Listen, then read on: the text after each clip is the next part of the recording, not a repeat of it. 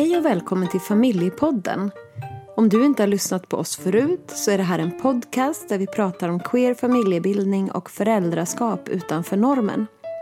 Jag heter Cal Orre och i dagens avsnitt så kommer vi att prata om barnlängtan, om konstnärskap och representation av queert föräldraskap i film.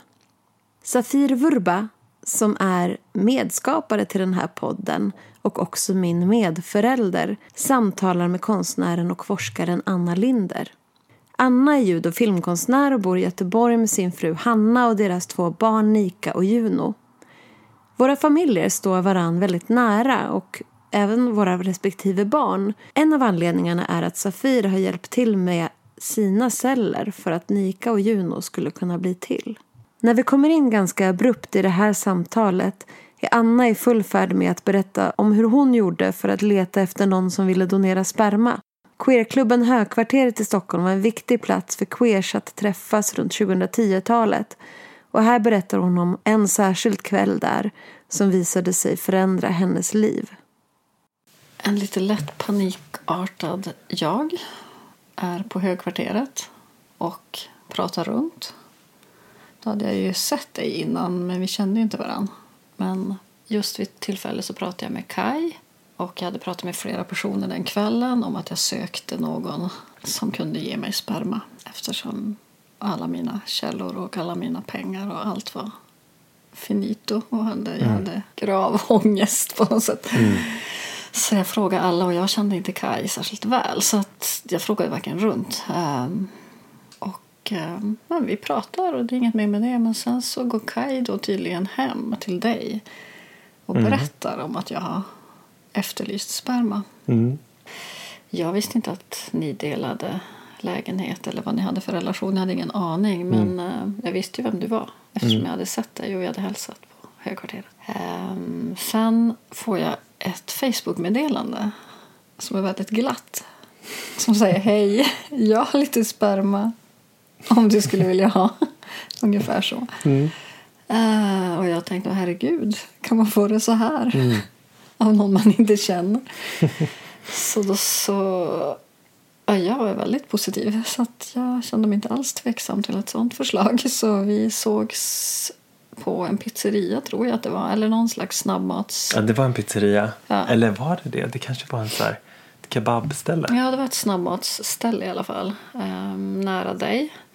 Där du bodde, tror jag. Ja, i Bredäng. I Bredäng, ja precis. Jag får inte upp riktigt hur det såg ut och vad det hette. Men jag ser att vi sitter där i alla fall och vi pratar. Och det är första gången vi pratar lite mer ordentligt med varandra. Mm. Och så bestämmer vi att vi ska göra det här. Och efter det har vi lärt känna varandra och har nu flera barn. Ja, men fint alltså. Mitt första minne av dig, jag minns dig från en, film, eh, en filmvisning som du kurerade på ett ställe i Berlin. Som jag cyklade till tillsammans med två vänner i ösregn. Och så kommer jag in dit och där står du och ska presentera programmet. Du är helt klädd i vitt från topp till tå. Och verkligen hatar att prata i mick och stå framför folk men gör det ändå. Och sånt imponerar på mig jättemycket. Också att så här, nervositet tycker jag alltid gör sig så bra på scen. så att jag har varit så, jag har varit lite um, blown away av dig och liksom också din så vita uppenbarelse liksom. Det var så jävla snyggt. um, tror jag vita jeans och en vit skjorta. Ja, mycket möjligt. Jag har haft mycket vitt i mitt, mitt liv. Och sen var det ett, jätte, ett jättefint filmprogram som du hade um, kurerat. Och det var den här bilden som jag hade av dig när Kai kom hem också. För jag vet att vi blev presenterade för varandra där och då.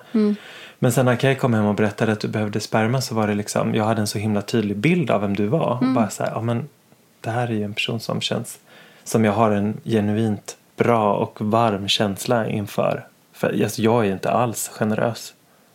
Nej, det kanske man kan säga. Eller i alla fall ganska nogräknat. I alla fall inte med mina spermier. Nej. Ehm, men, så att det vart liksom... Nej, men jag gick bara på ren magkänsla. Och Mm. bara så här, men här är en person som behöver någonting som jag har och det känns bra och rätt på något sätt. Ja, vad lustigt att vi hade minnen av kläder för det sa jag ingenting om nu för att det var ju bara den så här ytliga bilden. Nej men alltså jag minns ju från högkvarteret att jag hade sett dig och vi hade liksom så här Mm. hälsat och att jag alltid tyckte att du hade snygga kläder. Så att någonting måste ju ha gjort att vi har sett varandra Ja, också visst, på det två viset. textilkonstnärer som bara inte kan sluta väva ihop sina liv på något sätt. Men vi har ju också, vi har ju ehm, byggt en familj tillsammans. ehm, tillsammans med fler också. Och det, var ju, det är också någonting, det är ju så vi har lärt känna varandra helt enkelt. Och det är så vi har byggt vår egen vänskap. Det är helt enkelt att vi efter den där pizzerian eller kebabstället eller vad det nu var i Bredäng så bestämde vi oss för att vi skulle försöka göra ett barn. Och eh, sågs vid varenda ägglossning under ett helt års tid. Och eh, eh, lärde på så vis också känna varandra. Också det, var väldigt, eh, det är en väldigt rolig historia men de här liksom platserna som vi var på under det här året var ju verkligen alla möjliga ställen. Två ganska upptagna personer som ska försöka sammanstråla vid just den här dagen och det är nu det måste ske. Och då får man helt enkelt bara göra det där vi var, liksom, där vi befann Två, oss. två väldigt resande personer också. Ja, ja, det var mycket logistik, eller mycket oväntad logistik helt enkelt. Men det var ju ett sätt som vi lärde känna varandra på. Sen så har vi också fortsatt att lära känna varandra genom att eh, göra ett verk. Eh, ett videoverk som heter, eller en film som heter Spermahoran. Tillsammans med fler personer så, som också är med i den här familjen. Eh, och det har ju också varit ett sätt att lära känna varandra på. Det är ju en film som tog ganska lång tid att göra. Ja, det är få sätt som jag tänker är så effektiva på att bygga en relation på som att försöker, jag både försöka göra, både göra familj och göra konst som ett sätt att komma närmare varandra. Liksom. Det tänker jag är väldigt, väldigt fint. Spermahoran är någonting som har liksom, ja men fröet till det projektet kommer ju från dig. Um, skulle du vilja berätta lite om spermahoran? Um, ehm, ja, alltså det är också någon sån där ehm, långsam process som började med ett ljudverk när jag under en period hade um, Julie Apponen som donator. Och Julie var då identifierad kvinna eh, men hade fortfarande spermier. Eh, och varje gång Julie kom hem till mig och vi skulle göra det här så sa alltid Julie här kommer din lilla spermaura igen. Och någonstans i det där började tankarna kring uh, att göra, göra um, någon form av dokumentation av det som då var ett ljudverk helt enkelt. Och jag gick på en ljudkonstutbildning precis då. Och i någon av de uppgifterna vi hade så var det vi skulle göra dokumentärt material. Jag kommer inte ihåg men i alla fall. Och det här var så starkt hela det året jag gick på den utbildningen att jag höll på med det här. Alla de här försöken har jag redan försökt väldigt länge innan också i Köpenhamn under två års tid. Så det var en del av den här processen och då var jag så sugen på att få berätta den historien på något sätt för jag hade inte hört så mycket historier. Några vänner såklart, man pratade med andra men det var verkligen ingenting som jag hade hört berättas om i konstvärlden. Alltså barnlängtan Ja, och barnlängtan och inom den queera communityn på det viset. Och, ja, där pratas det oerhört lite om barnlängtan ja, ja, det är ganska fult av många också. Sett sådär. Men, ehm, så där någonstans började det och då blev det första var att, att intervjua Julie och göra ett ljudverk av det. Och det ljudverket finns ju och det är ju som en liten, ja, det var, blev som en start till det hela. Ehm, Och det här var ganska strax innan vi träffades, eller hur? ja, det var 2009 där på hösten. Ja, det var då vi träffades Ja, också. på vintern träffades vi tror jag. Och det här var på hösten precis innan. För Julie och jag kunde bara göra ett par försök. För sen eh, startade Julie sin utredning och sin hormonbehandling. Ehm, så vi fick inte så många försök. Men då hade jag den där inspelningen. Och sen så träffas vi. Och sen så kunde jag inte sluta tänka på att fortsätta dokumentera det här. eh, Eller göra någonting mer med det. Och då började det komma bilder i mitt huvud. Som var väldigt starka. Ett par specifika scener. Och sen eh, ju mer vi träffades och eh, Hanna och Julie var ju med också fortfarande i den här liksom, första konstellationen av att göra barn. Och Hanna hade jag precis också träffat efter liksom, vi hade försökt x antal gånger.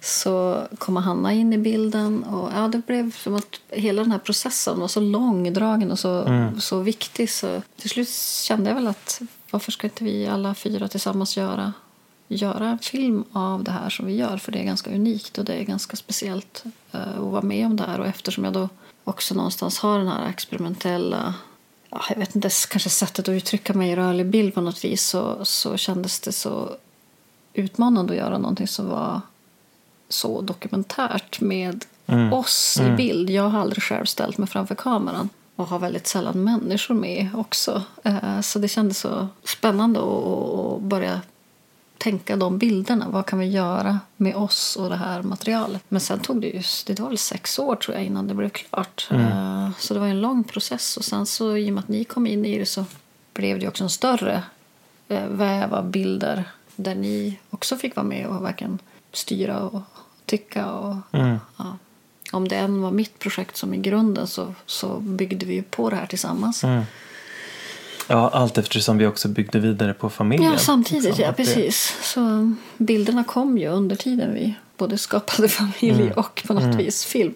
Så, och det blev plötsligt lite bråttom för den här magen finns bara just nu och den ska vara med och sen oj nu, nu är vi gravida Ja, och nu visst. måste vi filma nästa. Och Och, också typ att alla var gravida nästan som var involverade i filmen på något sätt i alla ja, fall. det blev liksom. så. Ja, så här, Ja, du var ju, ni blev ju snabbast fast vi hade hållit på så länge. Ja. Så plötsligt så fick ju ni men också film, filmfotograf och Ja, ja. Och Musik, musikern ja, också. Det var väldigt... eh, det var många som... Ja, det blev ju logistisk, eh, logistisk eh, kaos nästan. men, men det gick. Men jag tänker mycket på att ja, men så det som motiverade mig till att göra det liksom också ja, men, ha med, alltså både, både Rio och Nika är med i, i filmen, båda, båda de äldre barnen är ju med och att så här, det som motiverade mig till att bjuda dit min liksom ett tvååring då liksom och veta att så här, den här personen är med på film nu liksom och det är jag som har bestämt det och att jag själv är med på film och att jag berättar någonting som är oerhört personligt. Alltså det som hela tiden driver mig att göra sådana saker som jag också antar är någonting som driver dig också är avsaknaden av den och liksom längtan efter den, de typerna av väldigt ärliga och raka gestaltningar eller bilder eller berättelser som handlar om barnlängtan, familjelängtan, familjebildning i olika typer av queera konstellationer och där det många gånger är jävligt kämpigt att skapa en familj och att även de kämpiga delarna kan få finnas med. Liksom. Det är just den ja men verkligen längtan efter att få se någonting som jag nästan aldrig har sett. Det finns så otroligt lite konst som handlar om familjebildning um, inom queer-communityt. Um, så att det, jag menar, och vi, vi skapade ju det här verket samtidigt som vi också skapade familj. Uh, och det kanske var jag vet inte om det hade gått på något annat. Jag är så himla glad att vi gjorde konst samtidigt som vi skapade familj. Liksom. Och jag, ja, men det fanns en, en väldigt sådär, det här är så angeläget så att det går inte att låta bli. Ja, är det liknande för dig? Jag har inte heller eh, förebilder som jag kan komma ihåg eh, när det här projektet började. Inga filmer som jag kunde relatera till. Eh, och nu tänker jag ganska mycket på så här experimentell film. Eh, det fanns ju såklart några som jobbar med inom fältet så, men kanske inte just med det här ämnet. Så jag kände att jag var verkligen så här... Men det, det var ny mark på något sätt. Jag, jag, det kändes, kändes väldigt viktigt att göra den på, på många sätt. Nej, det, jag känner inte att jag um, fortfarande har sett så mycket av, av det. Och jag saknar det. Jag skulle vilja ha ännu fler bilder av, av familjebildning. Och, och, um, det här handlar ju också om sorg. Alltså det var ju också en stor sorg i den här filmen. Efter eh, kanske sju års försök att att få barn. Och jag Ja, lyckades ju aldrig. Eh, så det är också ett, ett, en vilja från mig att prata om den sidan samtidigt som den här lyckan ändå är att vi, vi bildar familj på olika sätt. Liksom. Att, det, att det ändå lyckas, att man kan göra det på andra sätt. Och, men jag hade ju ändå fortfarande en väldigt stor bearbetningsprocess i min kropp.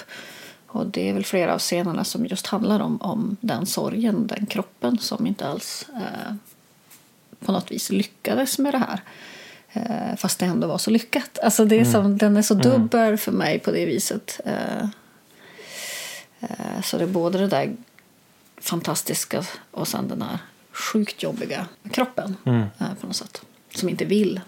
Och det har jag inte heller sett så mycket konst kring. Eh, queer-sorgen. Liksom. Mm.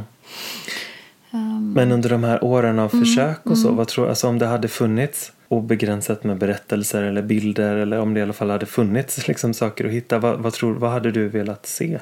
Ja, men allt ifrån den där ganska konventionella enkla dokumentärer om hur man, hur man gör Mm. till att få se abstrakta bilder som ger mig en, en eh, mer kanske suggestiv känsla av vad det kan innebära.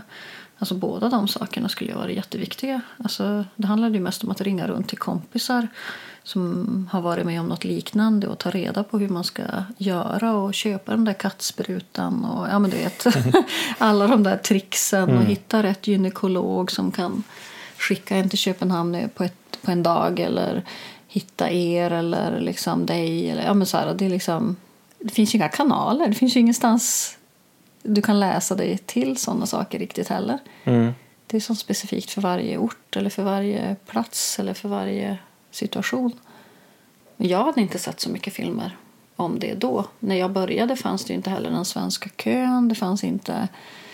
Ja, det var, det var Köpenhamn som gällde i början. Så att det var som en lång resa till att komma fram till hur vi sen gjorde rent juridiskt också. Och lärde oss hur vi... Men har, har det ändrats nu? Liksom? Jag tänker, nu, det är ändå...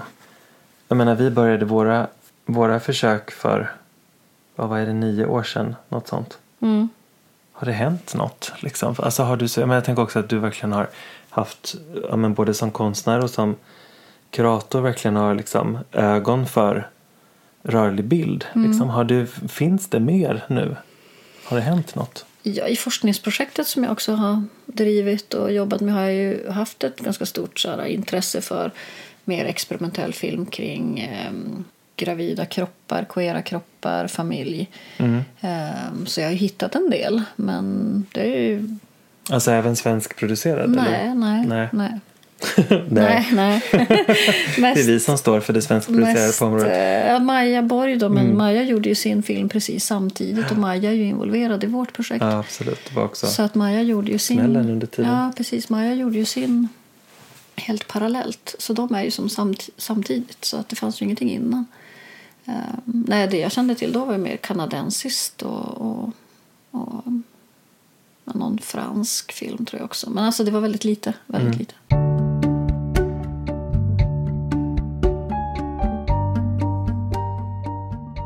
Jag har ju letat berättelser, liksom inte bara video utan jag har läst hur mycket böcker på området som helst och försökt att hitta någonting som speglar ja, men så nära som möjligt i alla fall den verkligheten som jag eh, lever i eller också har liksom byggt familj i och så vidare. Och det, jag har nästan inte hittat någonting i huvud taget Liksom. Och att de berättelserna som finns är för det första inte på svenska.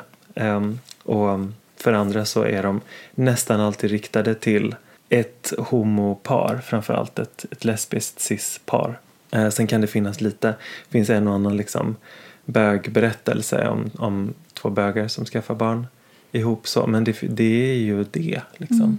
Det är klart det, fin- det finns lite mer nu men jag vet också jag är med och arrangerar Transfilmfest Stockholm, en transfilmfestival och tittar på jätte, jätte, jättemycket film som är, är gjord av och för och om transpersoner och tittar alltid specifikt efter filmer som handlar om föräldraskap på något sätt. Ja, men jag har sett kanske en film de senaste åren av liksom många hundra olika filmer som jag har sett där föräldern har varit trans. Mm. Eh, Och faktiskt i den filmen var också barnet eh, trans. Eh, Men annars är det nästan alltid bara transpersoner som i sådana fall gör film om sina cis-föräldrar. Mm. Och, så här hur, och framförallt, alltså, de gör det som någon slags egen avsändare, de här transpersonerna. Men, men filmen handlar om deras föräldrars acceptans eller accepterande av att ha ett transbarn. Och att det oftast var väldigt svårt i början men sen så liksom med tiden så har de lärt sig acceptera att, att deras barn är trans. Och så skildras det som en slags god historia, en solskenshistoria, eller så ett lyckligt slut. Liksom, vilket känns så jag tycker att det känns jättedeppigt. liksom, att de där, ja, men för det första att de inte liksom accepterar någonting från första början men, men framförallt, jag längtar så mycket efter att se transpersoner som föräldrar. Um, Det finns nästan inte skildrat i huvudtaget. Nej, jag letade en hel del då efter när jag var speciellt i Kanada och gjorde mycket research där. Där hittade jag lite grann. Mm. Ja, den filmen jag såg var också kanadensisk. Mm, och där har man ju kommit kanske, jag vet inte om man kommer, man ska säga att man kommer längre, men eh, först och främst är det ju ett filmland. Mm. Eh, man har hur mycket konstfilm och experimentfilm som helst. Alltså de jobbar ju fortfarande, ja, jag är jätteimponerad varje gång jag är där. Ehm, och sen är det ju, har ju varit också kanske mer gayvänligt än många andra Mm. länder. Så att kombon tror jag har gjort att det har kommit fram mycket. Och att det är väldigt många, ja men på något vis hbtqi-personer som jobbar på ganska mm, sådär, de är makthavare inom, inom film och konst. Mm. De sitter på flera av de här institutionerna och eh, kan också hjälpa till att få fram de här filmerna. Så det tror jag är jätte, jätte, jätteviktigt. Eh, Så där har jag hittat en del. Eh, Men jag har också varit runt och sett väldigt mycket. Kanske mest inom, om, inom konstfilm och experimentfilmsområdet. Då, men, men även en hel del queerfilmfestivaler genom åren. Men det är väldigt lite. Det finns väldigt lite. Mm. Men jag hoppas ju att det ska gå och kunna visa och få fram och, och inspirera mer här också. I och med det här också arkivet som jag har startat. eh, eh, Efter forskningen. Nu hamnar vi på flera andra Mm. spår. Berätta, men det, ja, ber- berätta ja. vad det är för något arkiv. Ja, The Swedish Archive for Queer Moving Images. Eh, Och det springer ju helt ur den längtan efter att visa och synliggöra den här sortens rörliga bilder. Mm. Eh, Och i det kan man ju också se att kanske personer som är aktiva vill träffa andra som är aktiva och de känner inte till varandra. Alltså att skapa ett nätverk och att kunna se historiskt vad som har gjorts bakåt. För det finns mer än vad vi tror. Men det är ju fortfarande som du säger också ganska konventionellt. Det är ju så himla... Ja, men det, den stora delen är ju komma ut berättelserna och det har vi väl måste göra. Alltså de verken har ju måste göras. Men jag tänker att nu gör vi mycket annat. Ja, eller folk har behövt göra dem. Ja, men ja, frågan är ja. om vi behöver göra dem framöver. Nej, jag tror att vi gör något annat nu. Jag, jag är helt övertygad. Jag höll en presentation just om det där jag kan se mig den, alltså någon slags tendens att vi har lämnat det. Och nu berättar vi om våra liv som vi lever dem just nu och gör andra filmer och andra, visar andra, eller berättar andra berättelser. Eh, som, vi är liksom förbi den där komma ut-historien på något sätt. Så känns det lite. Eh, Sen måste de fortsätta göra såklart. Alltså, Tror du? Ja, en del måste jag alltid berätta om. Det, jag tror att det kommer att alltid vara en, en sån tråd på något sätt. Men jag tror att vi är mogna och vi är i en fas nu där vi berättar andra saker. Vi berättar om hur vi lever våra liv. Eh, och de, det är inte bara att, att eh, ha föräldrar som blir förbannade eller att någonting. Liksom, utan, Nej, visst. Därför, det har jag ju känt jättemycket med de här filmerna som är gjorda av transpersoner som berättar om deras, eller som porträtterar sina cisföräldrar helt enkelt. Och de på något sätt får vara nästan huvudpersoner i filmerna. Liksom. Jag har sett så många av det. Alltså, alla utom en filmer som handlar om, om föräldraskap på något sätt har det narrativet. Och det känns bara, men herregud, har inte folk sett de här filmerna? Har inte folk sett att så här, men det finns hundra andra som har gjort exakt den här filmen? Liksom så, men det är ju så här, ja, men det är distribution och, och så vidare som ligger bakom, eller en brist på distribution som ligger bakom att, att det inte är så himla lätt att få se de där filmerna. Liksom. Så man kanske fortsätter att göra dem och det kanske är lite liknande med de här komma ut-berättelserna. Visst, det är möjligt att man fortsätta göra komma ut-berättelser men det kanske inte behöver göras så många helt enkelt. ja, I alla fall behöver det göras många andra, tänker jag. Mm. Eh, och det tror jag vi jag tror att vi kommer göra det. Sen är väl frågan vad som händer i samhället nu och var, var saker stryps. Eh, vi har haft en ganska härlig guldera nu känns det som ett tag. Även om det är väldigt trångt med pengar till kulturprojekt överhuvudtaget så känns det som att det är riskfyllt att vi hamnar ännu mer ute i periferin rent eh, ekonomiskt inom kultursfären om det fortsätter så här. Men, men jag tror att vi kommer ändå göra filmerna. Alltså på ett eller annat sätt kommer vi göra dem Mm. i alla fall. Sen är det bara frågan hur vi kan. Mm. Jag har inte så mycket val känns det som. Det är väldigt fiffigt att vi båda två är nattugglor för att nu har vi kunnat spela in det här när, efter att vi nattat tre barn som ligger och sover här. Som ligger och närheten. Så, nej, men stort tack Ja, att du är varsågod. med i det här. tack för allt helt enkelt. Tack för allt. Tack du. Du har hört Familjepodden. I det här avsnittet samtalade Safir Vurba med konstnären Anna Linder. Jag heter Cal Orre. Jag hoppas att ni lyssnar på våra andra avsnitt. Vi har en hel del olika som kan handla om allt ifrån förlossningar till att vara fler än två föräldrar samt att uppfostra sina barn könsneutralt och en hel del annat. Så jag hoppas att ni lyssnar även på våra andra avsnitt. Ha det så bra. Hej då!